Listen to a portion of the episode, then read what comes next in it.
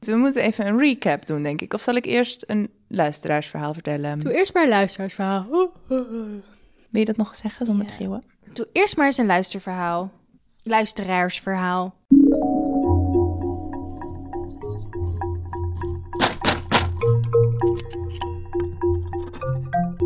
Al sla je me dood. Dit is best een beetje een intens verhaal. Het gaat Oh. over de opa en oma van een luisteraar.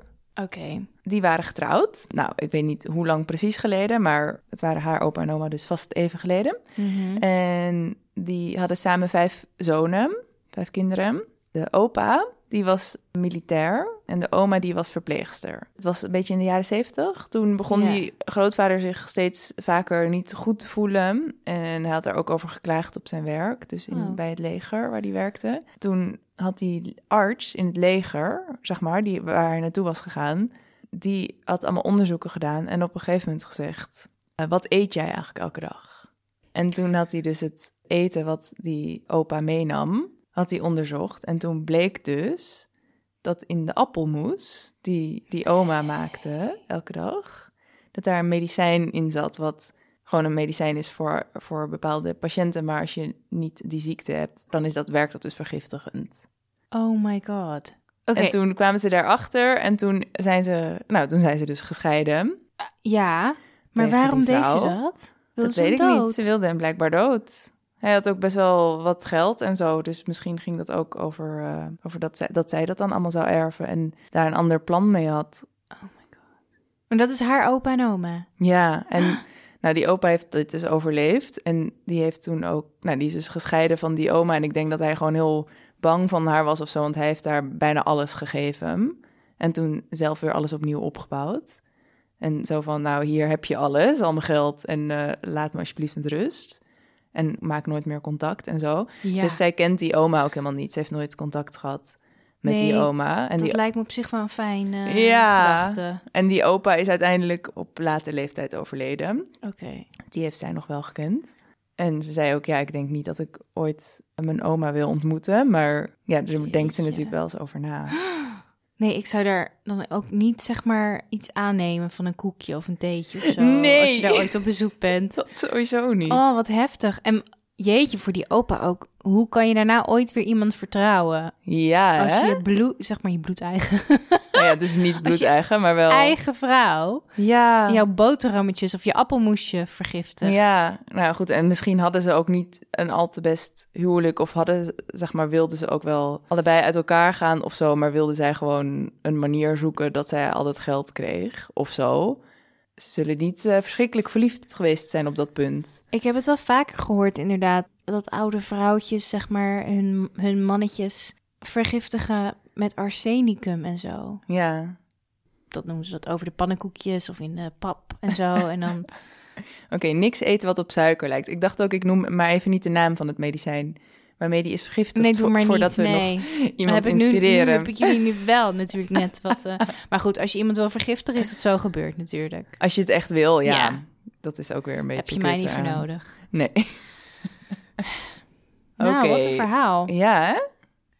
Ik wil even deze aflevering beginnen met de juiste uitspraak van dat stadje waar ik het vorige week heel erg over had. Want daar hebben we verschillende comments op gekregen dat Oh het ja? niet correct was. Oh. Dus dit is het. Dunedin, Taniden. Dunedin, Dunedin, Volgens Google. Dunedin. Dunedin, Dunedin. Dan niet, hè? Dan niet, hè? Oh ja, want wat ga- wij hadden gezegd, Dunedin. Dunedin. Dunedin. Ik vind dat, gezegd. moet zeggen, wel echt een stuk leuker klinken hoe jij het uitspreekt. Dunedin. Dunedin? Dunedin. Dus nu is de vraag, gaan we voor wat leuk klinkt of wat ons publiek wil horen? Nou, gaan we Oh, maar nou, voor de waarheid. Ja, dat ik. is op zich, ik wilde het net Dunedin. zeggen. Dunedin. Ja, we hebben ooit eh, laatst een comment gekregen over dat het lijkt alsof wij ehm, een spreekbeurtje doen. en dat, eh, maar goed, ik wil wel gewoon minstens een zes halen voor deze spreekbeurt. Dus ik ga het wel Precies. correct uitspreken. Oké, ja, dat- Dunedin. Ja, ik als denk ik het onthoud. dat is toch alweer een punt erbij. En dan nog eh, goed eh, de klas aankijken. Dat is ook Ja. een extra punt. Ja, precies. En niet te snel praten, dat is altijd mijn ding bij spreekbeurten en podcasts. Mhm, mhm. Nou, Nou. ik denk dat het wel eh, moet lukken, want we hebben al alle basisdingen. Mhm. Dus dan zit je al op een eh, 6 min. Ja. Hey, in de vorige aflevering Ja, kunnen we even terug, want wat was er ook alweer gebeurd? Nou, als je heel eventjes, als je de vorige aflevering niet hebt geluisterd, zou ik dat wel doen. Ja, dat zou ik ook even doen, anders Ja. dan slaat dit nergens op nee, dan snap je dit misschien niet. Mis je wat context. Of behalve als je echt heel erg slim bent. Dat kun je dan nu wel testen. Dan Ja. kun je dit gewoon gaan luisteren. En als je dan alles snapt, dan ben je echt heel erg slim. Oké, vorige aflevering bespraken we het leven van de Bain-familie. Van moeder Margaret, vader Robin en zoons David en Stephen en dochters Laniette en Arwa. En hoe het verliep tot op de dag van de moorden op 20 juni 1994. Toen de oudste zoon David thuis kwam van zijn krantenwijk en zijn hele familie vermoord aantrof. En op de computer stond een briefje of een notitie waarop stond: Sorry, jij bent de enige die het verdiende om te blijven leven. Ja, dat was allemaal erg intens. En we hebben daarvoor ook gehoord over alle familieverbanden... en dat het allemaal niet helemaal koek en ei was in, in Huizenbeen. Precies. En toen eindigden we met de vraag: Wie heeft het gedaan? er zijn eigenlijk maar twee moordenaars. Opties van Opties. moordenaars. Ja. Was het Robin, vader Robin, of was het David? En we hadden al uitgebreid onderzocht dat het dus niet wat ik dacht... dat het niet de moeder was geweest. Nee, Dat dat echt niet kon, aangezien de locatie kan van niemand het anders moordwapen zijn. en Het zo. is Ja. Robin of David.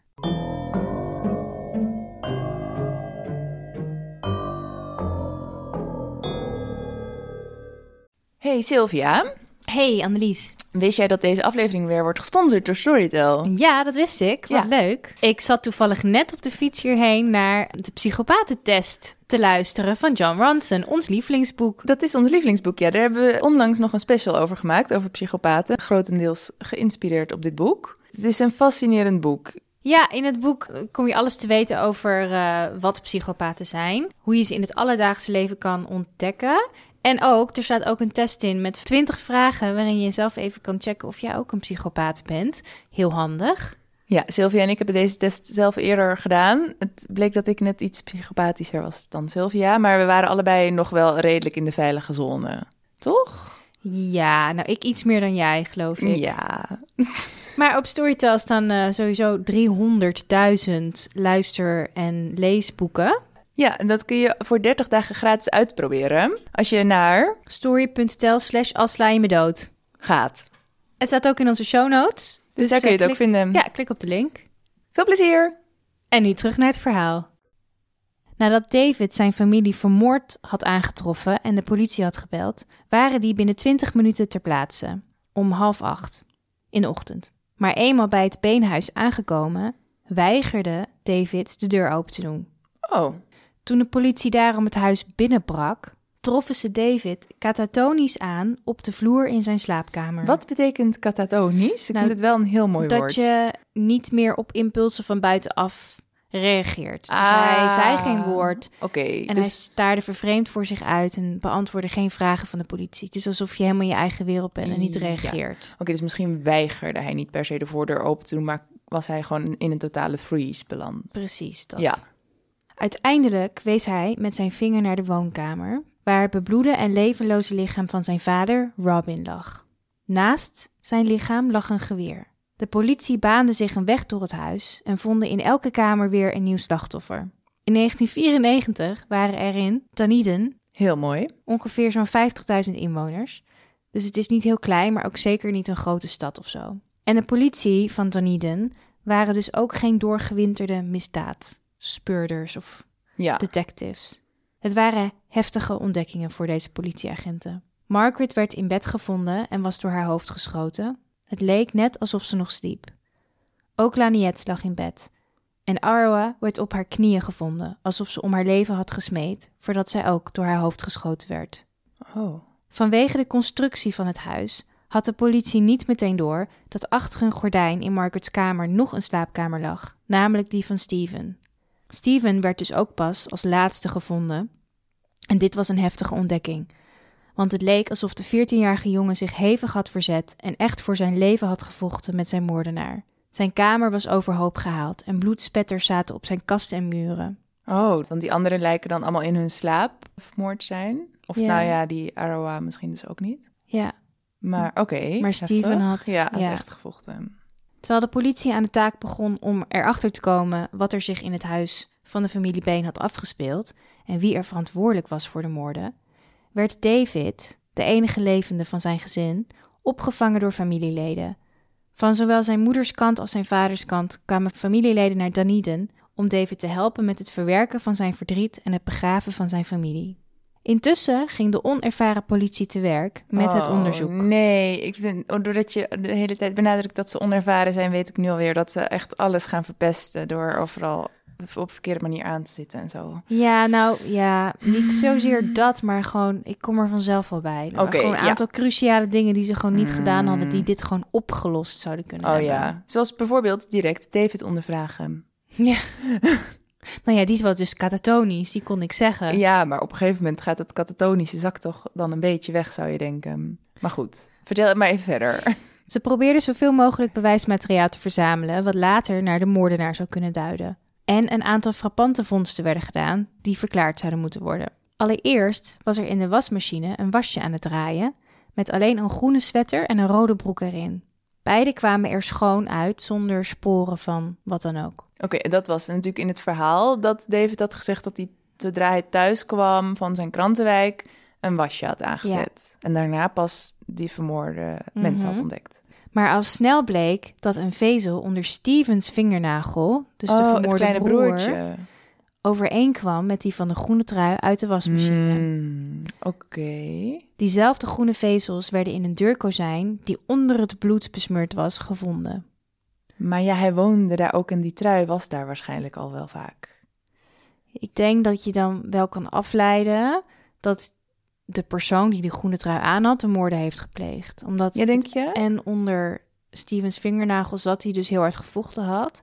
En in een deurkozijn zat waar heel erg veel bloed op zat. Maar aan de andere kant, bloedvlekken, als je dan je kleren in de wasmachine doet, dat krijg je er toch nooit echt helemaal goed uit.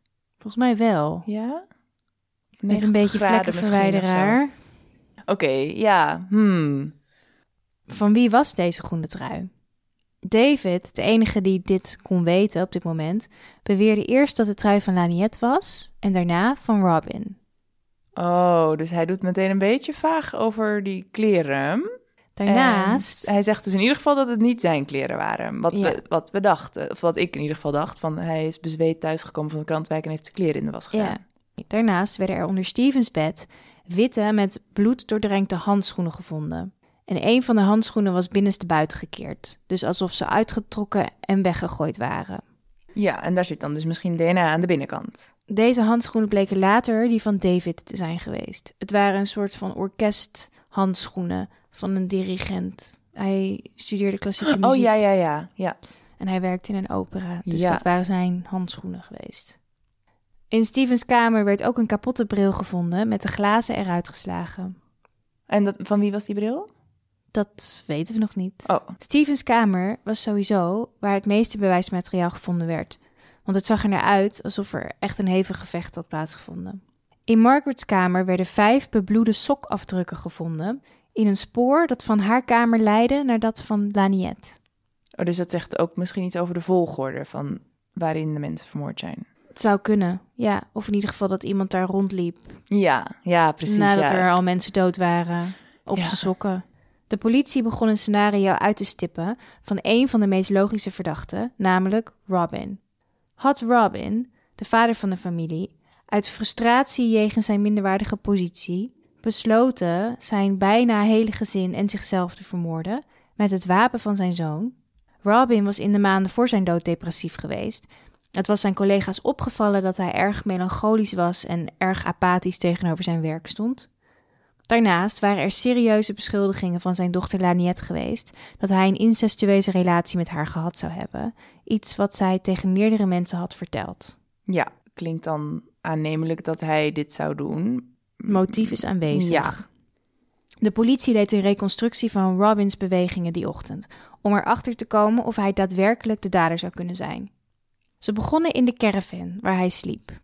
Want weet je nog, Margaret had hem Ja. verbannen uit het huis. Dus hij sliep in een verschrikkelijk koude caravan in hartje winter in de Ja. tuin. Robins wekker was om half zeven afgegaan en uitgeschakeld. Wat betekende dat hij toen ook zijn bed uit was gegaan. Zijn gebruikelijke Mm, tijd. Ja, waarschijnlijk. Ik zet hem ook heel vaak gewoon uit. En. Oké. Ja. Maar in de, want hij was natuurlijk in het huis, dus hij was opgestaan. Ja. Rond die tijd. Ja. Ik geloof niet dat mensen als hun wekker afgaat meteen opstaan. En als je dat wel Nee. doet, ben je een psychopaat. Je hoeft niet eens een boek te lezen. Dan klopt er iets niet. En nou, zeker als je depressief bent en apathisch en dat soort dingen, dan zou ik het heel knap vinden als je om half zeven, wanneer de wekker Maar gaat, opstaat in je- een super koude caravan, terwijl je onder een warme deken ligt. Überhaupt, je staat toch niet meteen op? Je doet toch heel even je uitstrekken of nog wel even één keer omdraaien. Of eventjes gewoon in je ogen wrijven en even naar het plafond staren en Ja, whatever. behalve als je een afspraak hebt, maar dat had hij volgens mij niet. Maar dat nog niet, toch? Ik, sorry, ik kan me gewoon niet voorstellen dat de wekker gaat en je meteen opstaat. Nou, even met de kans dat jij mij nu een psychopaat vindt, maar goed, dat Oh. was toch al natuurlijk uit de test gebleken. Heel vaak, eigenlijk altijd sta ik zeker niet direct op. Blijf ik zelfs vaak nog echt heel lang liggen. Maar er zijn wel momenten dat ik echt ergens naartoe moet op een vrij vroeg tijdstip. En dan zet ik de wekker altijd zo dat ik echt precies genoeg tijd heb. Dus dan weet ik ook dat de wekker gaat. Ik moet echt nu direct gewoon alles in actie doen. Ik kan me daar niks bij voorstellen. Oké, vind het nu al verdacht hoor. ja. Maar goed, Robin, wekker was dus om half zeven gegaan. En hij was dus We rond vermoeden die tijd... rond die tijd uit bed gestapt. Ja. In de caravan werden verder lege kogelhulzen gevonden Oh, en een Agatha Christie boek genaamd Death Comes as the End. In het Nederlands heet het boek En het einde is de dood. oké. En in dit verhaal vermoordt de oudste zoon zijn hele familie. Oh, wauw. Oké. Maar dat lag dus in Robin's caravan. Ja, maar Kan iets betekenen, dat kan kan niks van betekenen. alles betekenen. Nou, het kan heel veel betekenen. Het kan ook nog betekenen dat een zeker iemand het in Robin's caravan gelegd heeft. Of dat Robin dat gelezen had en op een idee was gekomen. Ja. En de kogelhulzen die gevonden werden, waren die ook van kogels die in dat pistool van... Weet ik niet verder. Oké. Nee, geen flauw idee. Nadat Robin opgestaan was, was hij door de achterdeur het grote huis binnengestapt. Als hij de moordenaar was geweest, zou hij dus naar Davids kamer zijn gegaan. David was inmiddels al aan zijn krantenwijk begonnen die dag en dus niet aanwezig. En daar zou hij Davids pistool hebben moeten vinden. Want het was Davids pistool. En dat lag ook in David's kamer, normaal gezien. Het lag in Davids kamer in een doos die vergrendeld was met een sleutel. Ah, oké. En David, die droeg altijd de sleutel om zijn nek. Maar er was een reservesleutel aanwezig in de Oké. kamer. Dus Robin moest dus eerst weten waar de pistool lag en daarna waar de sleutel lag. En daarna had hij deze moeten ontgrendelen en meenemen. Maar dat wist hij misschien sowieso al. Aangezien, ja, als je met elkaar in een huis woont, dan weet je vaak wel gewoon waar in iedereen... de caravan. Ja, maar dan nog, hij liep wel rond in dat huis. Vaak weet je dan wel een beetje waar iedereen zijn spullen heeft, toch? Daarna had hij ook uit Davids kamer zijn witte handschoenen gepakt. Die had hij aangedaan om de moorden te plegen. Daarna was hij zijn familie langs gegaan om ze één voor één met het pistool dood te schieten. Na het gevecht met Steven zou zijn kleding bebloed moeten zijn geweest. Deze had hij dan in de wasmachine gedaan en hij had nieuwe kleren aangetrokken. Maar de kleren waarin hij gevonden werd, waren vieze joggingskleren en een hele dikke trui. Tegen de Nieuw-Zeelandse winterse kou. Iets wat je aan zou trekken als je in bed zou liggen. Een koude ja, caravan. precies. Toen zou hij naar de donkere woonkamer gegaan zijn en zonder het licht aan te doen de computer aangezet hebben en de woorden jij bent de enige die het verdiende om te leven op zijn computer getikt hebben. Als bericht aan de oudste zoon. Daarna zou hij het geweer gepakt hebben. Zonder de lichten aan te doen, zou hij het jachtgeweer op de grond hebben geplaatst, wijzend naar zijn gezicht. Ah, het was een jachtgeweer ook nog Mhm. eens. Oh ja.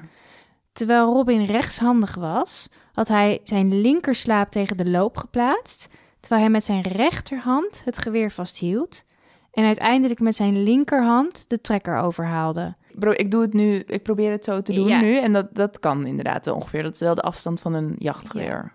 Maar het is heel onhandig en vooral als jij rechtshandig bent om dan linkshandig de trekker over te halen, is lastig. Dit alles terwijl hij heel erg moest plassen. Want toen Robins lichaam gevonden werd, konden de pathologen zien dat hij een hele volle blaas had gehad.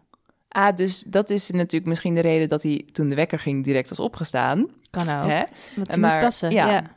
Maar dat had hij dus niet gedaan. Nee, ja, oh ja, precies. Hij had heel zijn familie vermoord. Terwijl hij eigenlijk heel nodig moest plassen. Eh, ja, dat klinkt inderdaad. En dus inderdaad, hij was ook in die vieze kleren aangetroffen. Gek detail. Ja, ik, het, het voelt niet alsof hij dit gedaan heeft. Maar goed, we zijn er nog niet. Nou, terwijl de agenten door dit scenario liepen, kwamen ze er al snel achter dat ze hiermee eigenlijk nog meer vragen opriepen dan dat ze die per se beantwoorden. Want waarom zou Robin de handschoenen en het geweer van David gebruikt hebben en hem dus daarmee impliceren in de moorden? Waarom zou hij David in leven laten terwijl hij niet eens zo'n goede band had met zijn zoon? Want David was immers altijd in het kielzog van zijn moeder Margaret geweest. Ja, En waarom ging Robin niet eerst naar het toilet als Ja. hij zo nodig moest plassen? ja nou dan zou je nog kunnen denken om niemand wakker te maken. Zeg maar, de- als je de wc doortrekt, misschien was het Maar gehoorig. Als zo. man kan je dat gewoon overal doen, toch? Oh ja, I ja, don't know. ja, het was wel heel koud buiten. maar- Ja, dat is waar. En dat bracht de politie dus op de tweede verdachte, David Payne zelf. Ja. Want terwijl de politie de moorden aan het onderzoeken was, begon David zich volgens zijn omgeving vreemd te gedragen. In de dagen na de moorden verbleef David bij zijn tante, de zus van Margaret en diens man. En het viel deze tante op dat David zich gek gedroeg. Tijdens een gesprek kreeg David ineens een soort van inzinking, waarin hij onsamenhangend sprak en het de hele tijd had over zwarte handen, zwarte handen. Oh, Hij zei dingen zoals: De zwarte handen kwamen ze meenemen. Overal doden. Ik kan het niet stoppen. En volgens zijn tante zei hij zelfs: Het is net als Schindler's List. Zwarte handen, zwarte handen. wat is dat met die zwarte handen? Maar goed, ik moet wel erbij zeggen dat natuurlijk toch nog even ter verdediging van eh, David, zolang we nog niet zeker weten hoe het zit. Als je hele familie vermoord hebt aangetroffen, zou ik ook wel in de dagen daarna enigszins bijzonder gedrag vertonen, denk ik. Ja. Nou, zijn tante had het gevoel alsof David bij de moorden was geweest, want zo praatte hij erover. Oh ja, zoals een actieve toeschouwer, Ja. zeg maar. In ieder geval als een getuige. Ja, En naast deze soort momenten van paniek en verwarring gaf David verder erg weinig los over de gebeurtenissen. Het was alsof hij zich door de dag bewoog en in gesprekken erover kon hij ook weinig vertellen. Zijn familie begon zich steeds meer zorgen te maken, want zou David meer weten dan dat hij deed vermoeden? Oh, ja, ik ben bang van wel. Nog meer ooggetuigen meldden zich met vreemde verhalen over David. Zo vertelde zijn toenmalige vriendinnetje dat David, niet lang voor de moorden, samen met haar en vrienden naar een concert was geweest. Hij hield veel van klassieke muziek en studeerde het ook. En tijdens het concert, toen iedereen opstond en klapte, bleef David zitten en staarde vervreemd in het niets, weer dat katatonische gedrag. Ja, Zijn vriendinnetje vroeg wat er met hem aan de hand was, maar ze kon geen contact maken met David. Hij was helemaal aan het spacen. hmm. Daarnaast kwamen er verhalen van vrienden van Arawa en Aniet dat beide zussen hadden gezegd dat ze bang van David waren geweest. Hij was te dominant en deed bij tijden alsof hij hun vader was, en dat hadden ze niet prettig gevonden. ja. Een vriend van David meldde zich bij de politie met een verhaal dat David hem een keer had verteld. Volgens deze jongen, genaamd Mark, was David verliefd op een meisje uit de buurt. En hij had een keer gezegd dat hij een plan had gemaakt om haar te verkrachten zonder dat iemand zou weten dat hij het was. Oh, Hij zou zijn krantenwijk als alibi gebruiken. Hij zou de helft van de kranten veel eerder wegbrengen dan gewoonlijk, als iedereen nog sliep. En dan had hij een moment om weg te glippen en de misdaad te plegen. En daarna zou hij, op zijn gewone tijdstip, zijn krantenwijk weer hervatten, op het moment dat mensen hem wel zouden zien. Oh ja, zodat eh, zeg maar hij gezien was tijdens zijn krantenwijk, dus dan op had zijn hij meteen... normale tijdstip. Precies. Maar dan wist niemand dat hij eerder begonnen was. Ja, en dat buurmeisje, eh, was, daar was verder nooit iets mee Nee. gebeurd. Oké, maar is het gewoon een verhaal. Ja, maar het zegt wel iets natuurlijk over hoe berekenend hij daar over dat soort dingen nadacht, blijkbaar. Ja, het is ook weer gewoon een getuigenverklaring. Het is ook gewoon een verhaal van één persoon natuurlijk. Klopt. Maar goed, dat zijn- verzin je ook niet helemaal. Nee. In zijn politieverklaring had David gezegd dat hij om 6 uur 42 was thuisgekomen van zijn krantenwijk. Toen had hij zijn moeder, Laniet, en zijn vader dood aangetroffen. Oh, maar dat is dus eigenlijk maar twaalf minuten nadat de wekker ging van Rob- Mhm. Robin. Echter had hij pas om 9 over 7 het alarmnummer gebeld, zo'n 27 minuten later. En in dit telefoontje zei hij dat ze allemaal dood waren. Hoe wist hij dit als hij niet iedereen had gezien? Ja, en er was dus ook nog iets met dat hij een soort rochelend geluid had gehoord uit de kamer van welke ook alweer, welke zus? Laniette. van Laniette. Ja, ja, David had verklaard dat hij Laniette had horen gorgelen vanuit haar kamer.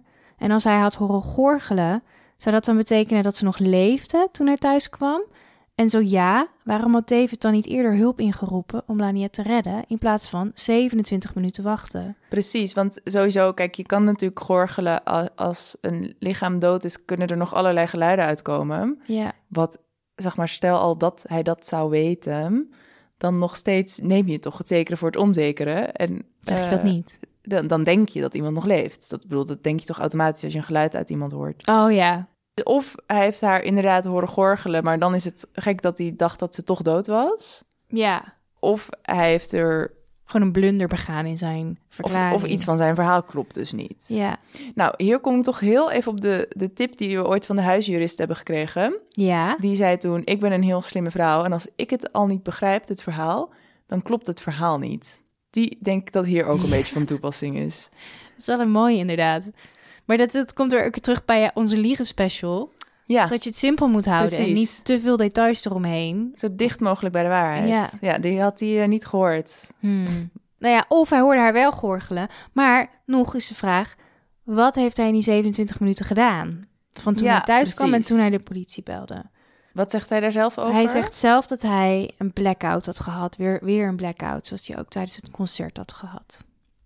Oh ja, dat, dat zou kunnen natuurlijk. Ik bedoel, als je al een blackout krijgt van eh, misschien een niet al te goed klassiek muziekstuk, dan krijg je dat zeker van je vermoorde familie. Maar was hij niet misschien gewoon het bloed uit zijn kleding aan het wassen? Ja, nou dat, dat denk ik nu. De politie nam de kleding van David in beslag die hij die dag aan had. En ze vonden inderdaad druppeltjes bloed op zijn witte t-shirt en zijn zwarte sokken, die van de 14-jarige Steven bleken te zijn. Ah, en dat was dus misschien wat hij niet in de was had gedaan, want hij dacht het zit alleen op mijn broek en mijn trui. Dus even ervan uitgaande dat hij het was. En hij had verklaard dat hij Steven niet zelf dood had ontdekt. Weet dus hij, hij had verklaard, oh ja precies, dat, Dat hij hij helemaal al- niet in die kamer had gekeken Nee. en toch wist hij dat iedereen dood was. Dat was ook en zo hij gek. heeft bloeddruppels van Steven op zijn sokken. Maar kijk, als hij zegt, oh, ik ben in mijn kamer van Steven ingelopen en ik zag hem dood, dan is dat een reden waarom je dan bloeddruppels op je sokken zou hebben. Ja, Omdat je die persoon ontdekt hebt. Maar hij had gezegd dat hij dat niet had gedaan. precies. Maar goed, hij had ook weer gezegd dat hij een blackout had. Dus misschien was hij vergeten dat hij die kamer in was gegaan. Kan ook. De allermakkelijkste oplossing om te kunnen achterhalen of Robin of David de schieter was geweest, zou zijn om geweerschotresidu te testen op beide handen. En Ah, de- altijd als je een pistool of een geweer afschiet, blijft er een soort van resten achter op je handen en je kleren en je t-shirt. En dat kan heel simpel getest worden met een bepaalde spray. Kan je zien op iemands handen of, er, dat, of dat opleidt. Oh ja, En, en dat kan niet op een andere manier op je handen terechtkomen. Nee, dat kan echt alleen als jij het geweer, zeg maar, Ja, schiet. Of die trekker overhaalt, dan schiet dat naar achter en dan krijg Ja, je die residu op je. Dus alleen een schutter zou dat op hun handen hebben. Ja, oké. Dat was dus niet gedaan. Dat had de politie niet getest. Dat was En- heel simpel geweest als ze het bij Robin en David hadden gedaan. Of in ieder geval bij één van de twee. En Robin lag intussen onder de grond. En- Nou ja, dit is een paar dagen later, dus dat had nog gekund. Oké, maar dat hebben ze alsnog niet gedaan. Dat hebben het niet gedaan, nooit. Eh, en daarnaast, nog een blunder van de politie, had de patholoog drie uur lang buiten staan wachten voordat hij de lichamen kon onderzoeken. En dat betekent dat er heel veel tijd verloren was gegaan waarin ze eventueel nog dingen hadden kunnen testen. Ja, en heel veel waardevolle informatie eh, eh, Precies. over de, bijvoorbeeld aan de, ik denk dat je aan de hand van de temperaturen van die lichamen ook wel iets kan zeggen over of er veel tijd tussen zat of Precies. zo. En, ja. Dus zo ging er veel bewijsmateriaal verloren. Maar wat de politie wel had getest, was het pistool zelf, het geweer zelf. En daarop waren vingerafdrukken van David gevonden, vier. Daarnaast zat er ook een palmafdruk van Steven op, waarschijnlijk toen hij het pistool in een gevecht wilde wegduwen. Dus Oh, dat zijn ja. de enige afdrukken die gevonden werden. En er zijn er geen van Robin gevonden. Nee. Hmm. Met dit bewijsmateriaal en al die getuigenverklaringen over Davids rare gedrag, arresteerde de politie David Bain voor de moorden op zijn vader, moeder, broer en twee zussen. Maar amper vier dagen na de moorden, dus op 24 juni 1994. Dus dat was op zich vrij snel. Supersnel. Maar dan nog steeds hebben ze dus bijvoorbeeld die test van het residu niet gedaan, wat toen nog had gekund. Ja. Nou, bij David niet meer, maar misschien bij Robin Want die had zijn handen gewassen, maar ja. David hield vol onschuldig te zijn en beschreef deze periode als traumatisch. Net terwijl hij de meest traumatische ervaring van zijn leven aan het verwerken was, de moorden van zijn familie, werd hij in een kille koude cel gestopt. Na zijn arrest en in de cel had David verschillende van zijn blackouts en episodes, waarin hij catatonisch voor zich uitstaarde en nergens op reageerde. Nou, het is natuurlijk, stel dat hij het echt toch niet gedaan had, dan is dat natuurlijk ook dramatisch dat je dan wordt opgepakt en verdacht. Ja, dat is echt vreselijk. Maar toch denk ik dan, probeer dan me voor te stellen als mij dat zou overkomen of zo. Denk ik toch dat ik ook zou denken, ja, ik snap ook dat ik verdacht ben. Want het is ook heel raar dat ik als enige nog leef. Zeg maar, dat denk je dan ook toch? Ja, I don't know. Ik zou het wel echt verschrikkelijk vinden als je dan Ja. Ja, ik weet het niet. Het proces tegen David Bain begon op 8 mei 1995 en er was een enorme media-hype omheen ontstaan. Al vroeg begonnen zich twee kampen te vormen. De mensen die geloofden dat David schuldig was en degenen die ervan overtuigd waren dat hij onschuldig was. Tijdens het proces deed David alsof zijn familie een hechte, gezellige band met elkaar hadden. Zijn vader en moeder hadden een prima relatie en hij en zijn broer en zussen hadden veel respect voor, zijn, voor hun vader gehad. Hm, wat gek. Echter, niets was minder waar. Nee, dat weten we uit de vorige aflevering. Ja, Maar het is ook een beetje raar waarom, want het juist door te omschrijven dat, het, dat er heel veel ruzie was en zeker ook tussen die ouders, daarmee zou je denken dat hij wel de verdachtmaking iets meer richting die vader schuift. ja maar hij, hij schilderde het echt af als een soort van sprookje. Ja, dus dat is dan was niks eigenlijk aan de gek. hand geweest. Ja. Want het is en niet waar, maar het, het pleit ook niet voor hem, zeg maar. David droeg tijdens het proces alleen maar kleurrijke gebreide truien die zijn moeder gemaakt had, om dat nog een keertje extra aan te stippen dat eh, ze zo close waren geweest. Zijn verdediging ging hard in tegen alle feiten en beweerde dat er maar één persoon was geweest die deze moord had kunnen plegen, en dat was Robin geweest. Maar het Openbaar Ministerie dacht daar anders over. Volgens hun was David een gestoorde jongen die altijd al een vreemde eet in de bijt was geweest en die deze moorden nauwkeurig gepland had. David zou om vijf uur opgestaan zijn die dag, extra vroeg. Toen had hij zijn geweer gepakt, de doos opengemaakt met een sleuteltje dat altijd om zijn nek hing, en hij had één voor één zijn slapende familie vermoord. Hij had Laniette horen gorgelen omdat hij degene was geweest die haar had neergeschoten. Toen hij eenmaal bij Steven aankwam, had deze zich echter hevig verzet en dat had geresulteerd in wonden en bloed op zijn lichaam en zijn kleding, waarna hij zijn broek en trui in de was had gegooid. De handschoenen die hij het aan had, zaten ook onder het bloed en die had hij dus uitgedaan en in de kamer gegooid. Ook was zijn bril kapot gegaan tijdens het gevecht. Toen was hij om kwart voor zes aan zijn krantenwijk begonnen, waar hij om zes uur 42 van thuis kwam. Ah, dus het idee is dat hij voordat hij die krantenwijk ging doen, al die moorden had gepleegd. Precies. Om 6 uur 44 had hij de computer aangezet en het briefje getikt: Sorry, jij bent de enige die het verdiende om te blijven leven. Daarna had hij gewacht tot zijn vader Robin, zoals elke ochtend, het huis binnenkwam om zich verder aan te kleden. Bij binnenkomst in de woonkamer had hij hem neergeschoten en daarna zo geposeerd dat het leek alsof hij zelfmoord had gepleegd, door een pistool naast hem te leggen. Oh ja. Daarna had hij de alarmdiensten om 9 over 7 gebeld. En dat verklaarde meteen waarom er 27 minuten zaten tussen de tijd wanneer David thuis kwam en dat hij de politie belde. De jury geloofde dit verhaal en achtte David schuldig op de moorden van zijn vijf familieleden. Hij werd tot levenslang veroordeeld met een minimale periode van 16 jaar cel voordat hij voorwaardelijk vrijgelaten kon worden. Ja, ik moet zeggen dat ik dit verhaal ook wel redelijk geloof. Wat ik ook nog dacht, is dat het misschien ook nog kon dat hij dat briefje eigenlijk voor zijn vader had getypt. Maar dat die vader per ongeluk eerder dan hij dacht het huis was binnengekomen. En dat hij hem toen toch ook maar vermoord had. En toen een beetje zijn plan soort last minute gewijzigd had. Maar goed, Het zou ook kunnen. hij had wel een betere band met zijn moeder. Dus het is ook een beetje gek dat hij dat dan zijn vader wilde sparen, zeg maar. Ja. En wat ik hier ook mis, is motief van waarom had hij dat gedaan. Want volgens... Ja, dat zit er de hele tijd, is dat een beetje onduidelijk. Maar goed, dit verhaal eindigt hier niet. Oh, David bleef bij hoog en laag beweren dat hij onschuldig was. En samen met zijn advocaten probeerde hij jarenlang om in hoger beroep te gaan. Allemaal tevergeefs. Tot in 2007, nadat Oh. hij al zo'n 13 jaar vastgezeten had. In het Hoger Gerechtshof in 2007 maakte Davids advocaten hard dat zijn eerste veroordeling niet rechtmatig was geweest, omdat er cruciaal bewijs niet genoemd was of niet correct was. Allereerst wezen ze op het feit dat er nooit een duidelijk motief voor David als moordenaar was aangeduid. Ja, dat is wel echt een dingetje. Mhm. Nou ja, er werd gewoon gezegd dat hij gestoord was, maar dat, waar was het op gebaseerd? Ja, precies. Was ja. bijvoorbeeld niet een eh, psychologisch rapport waarin stond dat hij problemen had of Ja. zo. ja, ja. Robin Bain had echter wel veel motief. Verschillende getuigen kwamen na de veroordeling van David naar voren om te verklaren hoe depressief Robin was geweest.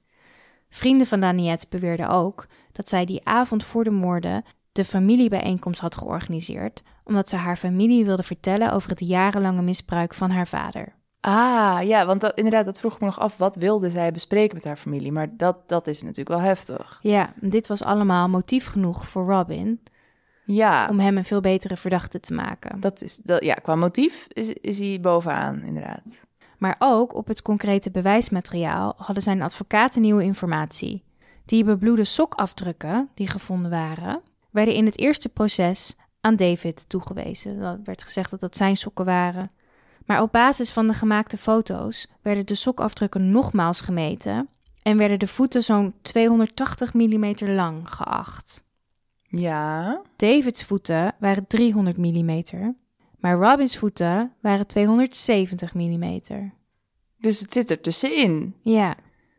Dit kon echter niet meer nagecheckt worden, omdat het huis van de familie Bain zo'n twee weken na de moorden van de familie en met Davids toestemming tot op de grond afgebrand werd. Oh, dat, wat, dat is natuurlijk dat, eh, dom om met een plaatsdelict te doen. Enorme flater. Ja. Twee weken Ja, na ja terwijl je echt een, nog niet alles kan hebben. moord Ja, een huis afbranden waar al je bewijsmateriaal is. what the fuck? En ze hadden dat stukje tapijt waar die sokafdrukken op waren niet eruit gesneden en meegenomen. Dat ze gewoon laten afbranden. Oh dus het God. kon niet Nee, accuraat nagemeten worden. nee. Nog een twistpunt was de tijd op de computer. Die was volgens de politie in het eerste proces. Om 6 uur 44 werd de computer aangezet toen David al thuis was. Maar volgens zijn advocaten liep die klok niet goed en was het eigenlijk 6 uur 39 geweest toen David, naar eigen zeggen, nog niet thuis was. Ja, Dat betekent dus dat Robin die computer aangedaan zou moeten hebben en zichzelf vermoord had enkele minuten voordat David thuis kwam. ja. Die vind ik een beetje onduidelijk. Want je kan natuurlijk ook zeggen dat hij misschien dan toch eerder thu- thuisgekomen was. Of weet ik veel. Ja, en je kan ook zeggen, hij heeft, dan heeft Robin misschien die computer aangedaan, maar dat betekent nog niet dat hij dat briefje geschreven Klopt. heeft. Want ze kunnen alleen Ja. maar meten van hoe laat hij aangegaan is. Nog meer tegenbewijs kwam voor de gebroken bril die in Stevens kamer gevonden was. De opticien van de familie had tijdens het eerste proces verklaard dat die glazen overeenkwamen met de glazen van David. Ja, Maar daar kwam hij later op terug en zei dat het eventueel ook van Margaret geweest kon zijn. ah, David zelf beweerde dat zijn bril weken eerder kapot was gegaan en dat hij de bril van zijn moeder had geleend, omdat ze ongeveer dezelfde lenzen nodig hadden. ja. In ieder geval was er nu zoveel twijfel over die bril, of die er al lag voor het gevecht met Steven of niet, en van wie die geweest was, dat het niet meer overtuigend bewijsmateriaal was. Ja, Dus eigenlijk wat zijn advocaten nu aan het doen zijn, is al die punten gewoon er twijfel over creëren. Ja, Waardoor ze dus niet meer zo kant-en-klaar bewijsmateriaal ja behapbaar zijn. Ja. Hij had dus bloedspetters op zijn sokken. En dat was een van de dingen waardoor hij verdacht was. Mhm. Maar dan had hij ook, zeg maar, aan de onderkant van zijn sokken waren dan, die zouden dan helemaal bebloed geweest moeten zijn. Ja, dat weet ik ook niet. Dat is ook een beetje vaag. Ja. Hm, Maar dat zou eventueel nog wel kunnen als hij... Ja, als hij zijn moeder daadwerkelijk gezien had en in die ruimte was geweest... had hij eventueel gewoon per ongeluk in haar broed kunnen stappen. Kijk, ook dat is niet hard bewijs dat hij degene was. Nee, precies. Omdat hij wel heeft gezegd dat hij daar was omdat hij haar ontdekt had. Ja, Als laatste zeide Davids verdediging twijfel over de vingerafdrukken die op het moordwapen gevonden waren, tezamen met het bloed.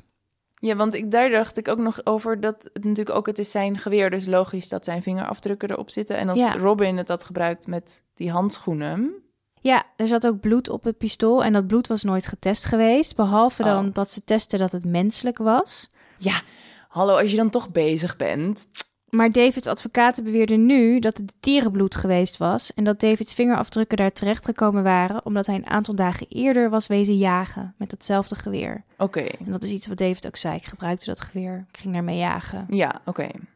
Het feit dat David Laniet had horen gorgelen kon ook verklaard worden. Lichamen kunnen na het overlijden nog geluiden maken en dat is een bewezen fenomeen. En dat komt vanwege de gassen die vrijkomen na het overlijden. De geluiden worden vaak vergeleken met kreunen en steunen vanuit de keel. En het feit dat David Laniet had horen gorgelen betekende dus niet per se dat zij nog in leven was geweest of dat hij bij haar moord geweest was. Nee, maar het betekent wel dat het heel gek is dat hij bij gorgelgeluiden niet direct dacht... zij leeft nog en ik moet nu 1 en 2 bellen en ik moet haar Ja, helpen. Dat blijft dat- heel gek. Dat blijft staan, ja. Ja. Het Hogere Gerechtshof oordeelde dat er een nieuw proces moest komen en dat David tot die tijd voorwaardelijk vrijgelaten mocht worden. Oké. Na 13 jaar gevangenisstraf kwam David Bain op 15 mei 2007 weer op vrije voeten. Tijdelijk dus. Zijn tweede proces volgde twee jaar later, in mei 2009. En in de tussentijd had David Hoor dus supporters voor zich weten te winnen. Het land was wederom verdeeld tussen de David Believers en de non-believers en iedereen zat aan die soap gekluisterd. In deze rechtszaak maakte de verdediging nog harder waarom ze dachten dat Robin de schutter was geweest en niet David. En met succes. Op 27 mei 2009 werd David Bain volledig vrijgesproken Oh. van de moord op zijn familie. Wauw. Na zijn vrijspraak is David een paar maanden door Europa gaan reizen op de kosten van zijn supporters. Oh, wauw. Want had hij ook misschien nog geld gekregen van de staat? Om, nou, ehm, dat had hij geprobeerd, maar dat had hij verloren. Dus hij heeft geen schadevergoeding gekregen. Oké. In 2014 trouwde David met schoollerares Liz. En dat was de dochter van een man die een supporter van hem was geweest. Oké. En kort daarna kregen ze samen een zoon. Inmiddels heeft hij de achternaam van zijn vrouw aangenomen om in de anonimiteit te blijven wonen of te, te kunnen wonen. Ja, ja. En heeft hij een baan bij een ingenieursbureau. En that's it? In 2012 werd er een eh, onderzoek geopend naar het politiewerk van deze zaak. Oh ja. Eh, en de uitkomst was natuurlijk dat er enorme fouten gemaakt we- werden. ja. Niettemin doordat ze geen geweerschotsresidu hadden getest, de patholoog niet op tijd bij de lichamen konden laten en dat ze belangrijk materiaal zoals sokafdrukken niet bewaard hadden. Ja. De zaak houdt nog steeds Nieuw-Zeeland helemaal in zijn ban. Eh, zelfs nu. Er was recentelijk een tiendelige podcastserie genaamd Black Hands, die ik voor Oh ja. deze afleveringen heb beluisterd. En er is laatst nog een boek over geschreven. En vorig jaar is er ook een dramaserie uitgekomen in Nieuw-Zeeland over de Bain-familie. Die David Bain zelf eh, als belachelijk had verklaard. Oké. En er zijn nog steeds twee kampen. Er zijn mensen die geloven dat David Bain hartstikke schuldig is. En mensen die ontzettend geloven dat hij onschuldig is. En dat Robin de moordenaar was. Het is zo ingewikkeld, dit. Het is heel ingewikkeld. Ik heb ook nog niet alle dingen kunnen bespreken. Omdat ik Ja. niet tiendelige Ja, af- ja, ja, ja. zeg maar, podcastserie wilde maken. ja. Ik Het kan alle kanten op de hele tijd. Ik geloof zelf wel dat hij het is geweest. Want ik vind het gewoon te toevallig. Het klopt veel meer dat hij het wel was dan dat hij het niet was. Ja, qua alles qua zeg maar uitwerking en, en dingen die hier gebeurd zijn en wat er gevonden is en zo, klopt het veel meer bij hem. Maar inderdaad, het motief ligt veel helderder bij die vader. Hoewel hij natuurlijk ook op basis van die informatie van Laniet, dat zij misbruikt was, ook misschien geflipt kan zijn. Dat, ik bedoel, het gebeurt in je gezin, dus het raakt hem ook. Ja, en wij weten natuurlijk ook dat hij door zijn moeder een beetje gebrainwashed werd. Dat mensen duivels waren in zijn familie. Ja, precies. En het feit dat natuurlijk Laniet sekswerker was en ook nog door haar vader misbruikt. En er waren gewoon allerlei dingen gaande in dat gezin, waardoor hij misschien Ja. dacht... Oké, this is it, weet je wel. Ja, ja, ja. En Nou. wat ik me nog afvroeg over dat boek van eh, Agatha Christie. Ja. Ja. Z- Zitten daar nog soort overeenkomsten of zo die je kan vinden met... Ik Met weet dit het niet. verhaal. Zullen we Dat kijken wel- of die op Storytel staat? Dan ga ik het luisteren. Ja. Ja, hij staat erop. Kijk, Nou, dan heb ik vanavond wat te doen. en, en het is niet slapen.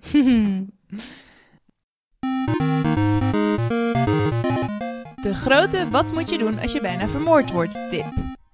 Kaboing. De vorige keer dat wij een aflevering opnamen, toen, terwijl wij dat niet wisten, was er een gijzeling vond er plaats op het Leidseplein. Heftig. En ik vond het ook heel erg intens en heel naar voor alle mensen die daarbij betrokken waren. en Of daar werkten, of als bezoeker in de buurt waren, of in de winkel. En ik dacht erover na dat er mensen ook bijvoorbeeld verstopt zaten in de winkel. En, en toen dacht ik, dan moet je dus wel zorgen dat je geen geluid maakt als je ergens verstopt zit. Ja, Maar ook in andere situaties is er misschien, als er ergens een moordenaar is, wil je je heel goed verstopt houden, zodat je niet gevonden wordt en vermoord. Mhm. Dus ik dacht, ik ga eens even allemaal tips bedenken over hoe je zo weinig mogelijk geluid maakt. oké. Nou, om te beginnen zet je je telefoon op stil. Ja.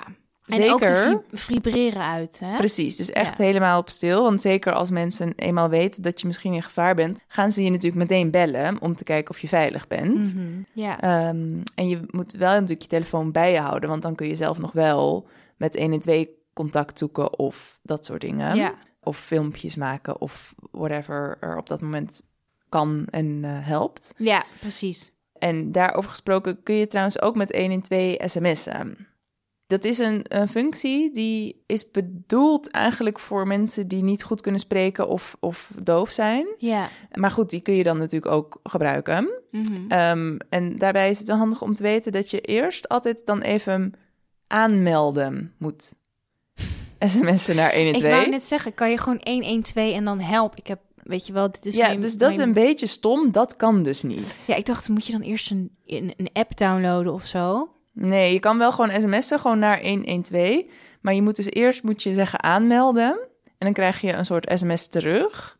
En dan moet je zeggen iets van aanmelden akkoord. Moet je dan ook nog sms'en. Allemaal ook overigens in vlekkeloos Nederlands. Dus je kan geen typfout maken, want dan komt het niet goed aan. Dit, hier hebben ze niet goed over nagedacht. Klopt. Mm. Maar goed, het heeft denk ik iets te maken met dat, dat ze anders bestookt kunnen worden met zo van die miljoenen sms'jes tegelijk. En er dan... Ja, maar ik denk toch, weet je wel, de errormarge, dat iemand het dan niet lukt om te sms'en. Ja, toch? Nou ja, maar of je kan dus je telefoonnummer sowieso alvast aanmelden. Want dit is dus alleen zodat jij met jouw telefoon kan sms'en naar Oké. 112. Dus je kan nu, kun je ook gewoon doen, aanmelden. Oké, ga ik meteen doen. En dan kun je ooit in de toekomst, als het nodig is, ben jij dus, is jouw communicatielijn met 112 per sms open. Oké. Verder dacht ik om je, eh, als het eventueel kan, en je hebt nog iets in je zakken of je tas of waar je bent om te eten, moet je meteen gaan eten. Want dan voorkom je dat op een gegeven moment je maag geluid gaat maken, omdat je honger hebt. Ja, dat is een goeie. Dat is Dat toch ook die van mij ja. altijd. Die knoort altijd heel hard. Ja, ik hoorde dat net, daardoor was ik geïnspireerd om daarover na Oh, was te dat denken. mijn maag? Oh ja, mijn maag was aan het knorren. Ja, niezen kun je onderdrukken door bijvoorbeeld zo net boven het puntje van je neus je neus vast te pakken en dan je neus zeg maar naar voor te trekken. Oké. Oké, Of proberen volgende keer. Je bovenlip zo vastpakken niezen. en dan zo richting je neus. Zo klinkt een beetje gek, maar dat komt omdat ik dat nu aan het doen ben. Oh ja, zo ja. Dat je eigenlijk bijna Oké. in je neus duwt. Dat helpt ook. En het helpt ook als je een soort heel boos gezicht maakt en alles heel erg aanspant. En ook je tong heel hard tegen dat stukje zo tussen je voortanden en je gehemelte Oké. drukt. Ik vind dat wel Ehm. echt het allervervelendste gevoel als je moet niezen, maar het lukt niet. Ja, dat is naar. Maar goed, ik heb dat liever dan dat ik vermoord word. Dus Precies. En dan als laatste dacht ik nog aan hoesten. Ehm, Mm. En dat is wel echt een lastige om te onderdrukken. Ik, want ik heb zelf ook soms wel eens een beetje een soort hoestaanval. Dat ik een soort lichte allergie heb voor iets. En dan ja. kan ik dat echt bijna niet onderdrukken. En, en hoe langer ik het, ik het onderdruk, hoe heftiger ik daarna moet hoesten ook. Ja. En ik kon er ook niet zo heel veel over vinden, behalve natuurlijk dat je heel goed rustig diep moet ademen. Dat is sowieso natuurlijk handig in zo'n situatie. Dat je je lijf een beetje onder controle probeert te houden door diep te ademen. Als er water is, steeds kleine slokjes water drinken. Dat helpt altijd wel om je hoesten te onderdrukken. En ik had één techniek gevonden die ik dus nog niet nu heb uitgeprobeerd. Want ik heb nog niet tussen de tijd dat ik dit had gelezen en nu moeten hoesten. Maar dat is dat je je hand over je mond doet. En dan één keer slik je heel goed en dan hou je je adem even in. En dan ga je 30 seconden heel diep ademen. En dan adem je nog één keer een soort normaal en laat je je hand weer los. En als het dan nog steeds je de kriebel hebt, dan herhaal je dat gewoon. Oké. Ga ik volgende keer proberen. Ik heb heel vaak wel eens kriebelhoedjes. Ja, dus eigenlijk het is toch vooral ook een soort Ja. ademhaalding en mentaal ding. En Denk je niet dat je in stresssituaties dat jouw lichaam dan gewoon zegt: "Ho, we zorgen er even voor dat je niet moet niezen." Ja, dat vraag ik me af. Want oh, en als je ergens lang verstopt zit, op een gegeven moment die, die alleracuutste stresssignalen Ja. van je lichaam gaan dan natuurlijk misschien ook wel weg. Ik weet het Mm. niet. En wat als je heel erg moet plassen? Ja, dat maakt ook geluid. Ja, niet doen, inhouden. Inhouden, de hele tijd. Hmm. En als je het echt niet meer kan inhouden, dan trek je je trui uit en dan plas je op je trui, zodat het, dat het geen geluid maakt. Goed idee. Hè? Zullen we even naar de nieuwe detectives? Ja, laten we dat doen. Dankjewel, nieuwe detectives. Rikst, Mirjam, Ellen, Lopke. En even een heel speciale shout-out naar de dochter van Lopke, Zara, ja, Charissa, Priscilla, Irene, Elisa, Renske, Esther, Laura, Jolie, Tiewertje, Helene, Anne, Diepshika, Malena, Alex, Sander, Maureen, Leroy, Jona, Eva, Manon, Janneke, Lola, Celeste, Charlotte Leoniek. en Rinke. Dank jullie wel. Wat Dank fijn wel. dat jullie lid zijn geworden. Er staat een. ehm, de bonus van februari staat live. Ja. Samen met een hele mooie special over psychopaten. Dus ja, ga vooral kijken. Ja, veel plezier. Veel plezier. Oh, en je kan ons ook volgen op Instagram en je kan ons ook volgen op Facebook. Natuurlijk maar niet op Facebook. En op Spotify. En eh, alles is heel erg leuk. Ja, leuk, leuk volgen. Doei! Doei!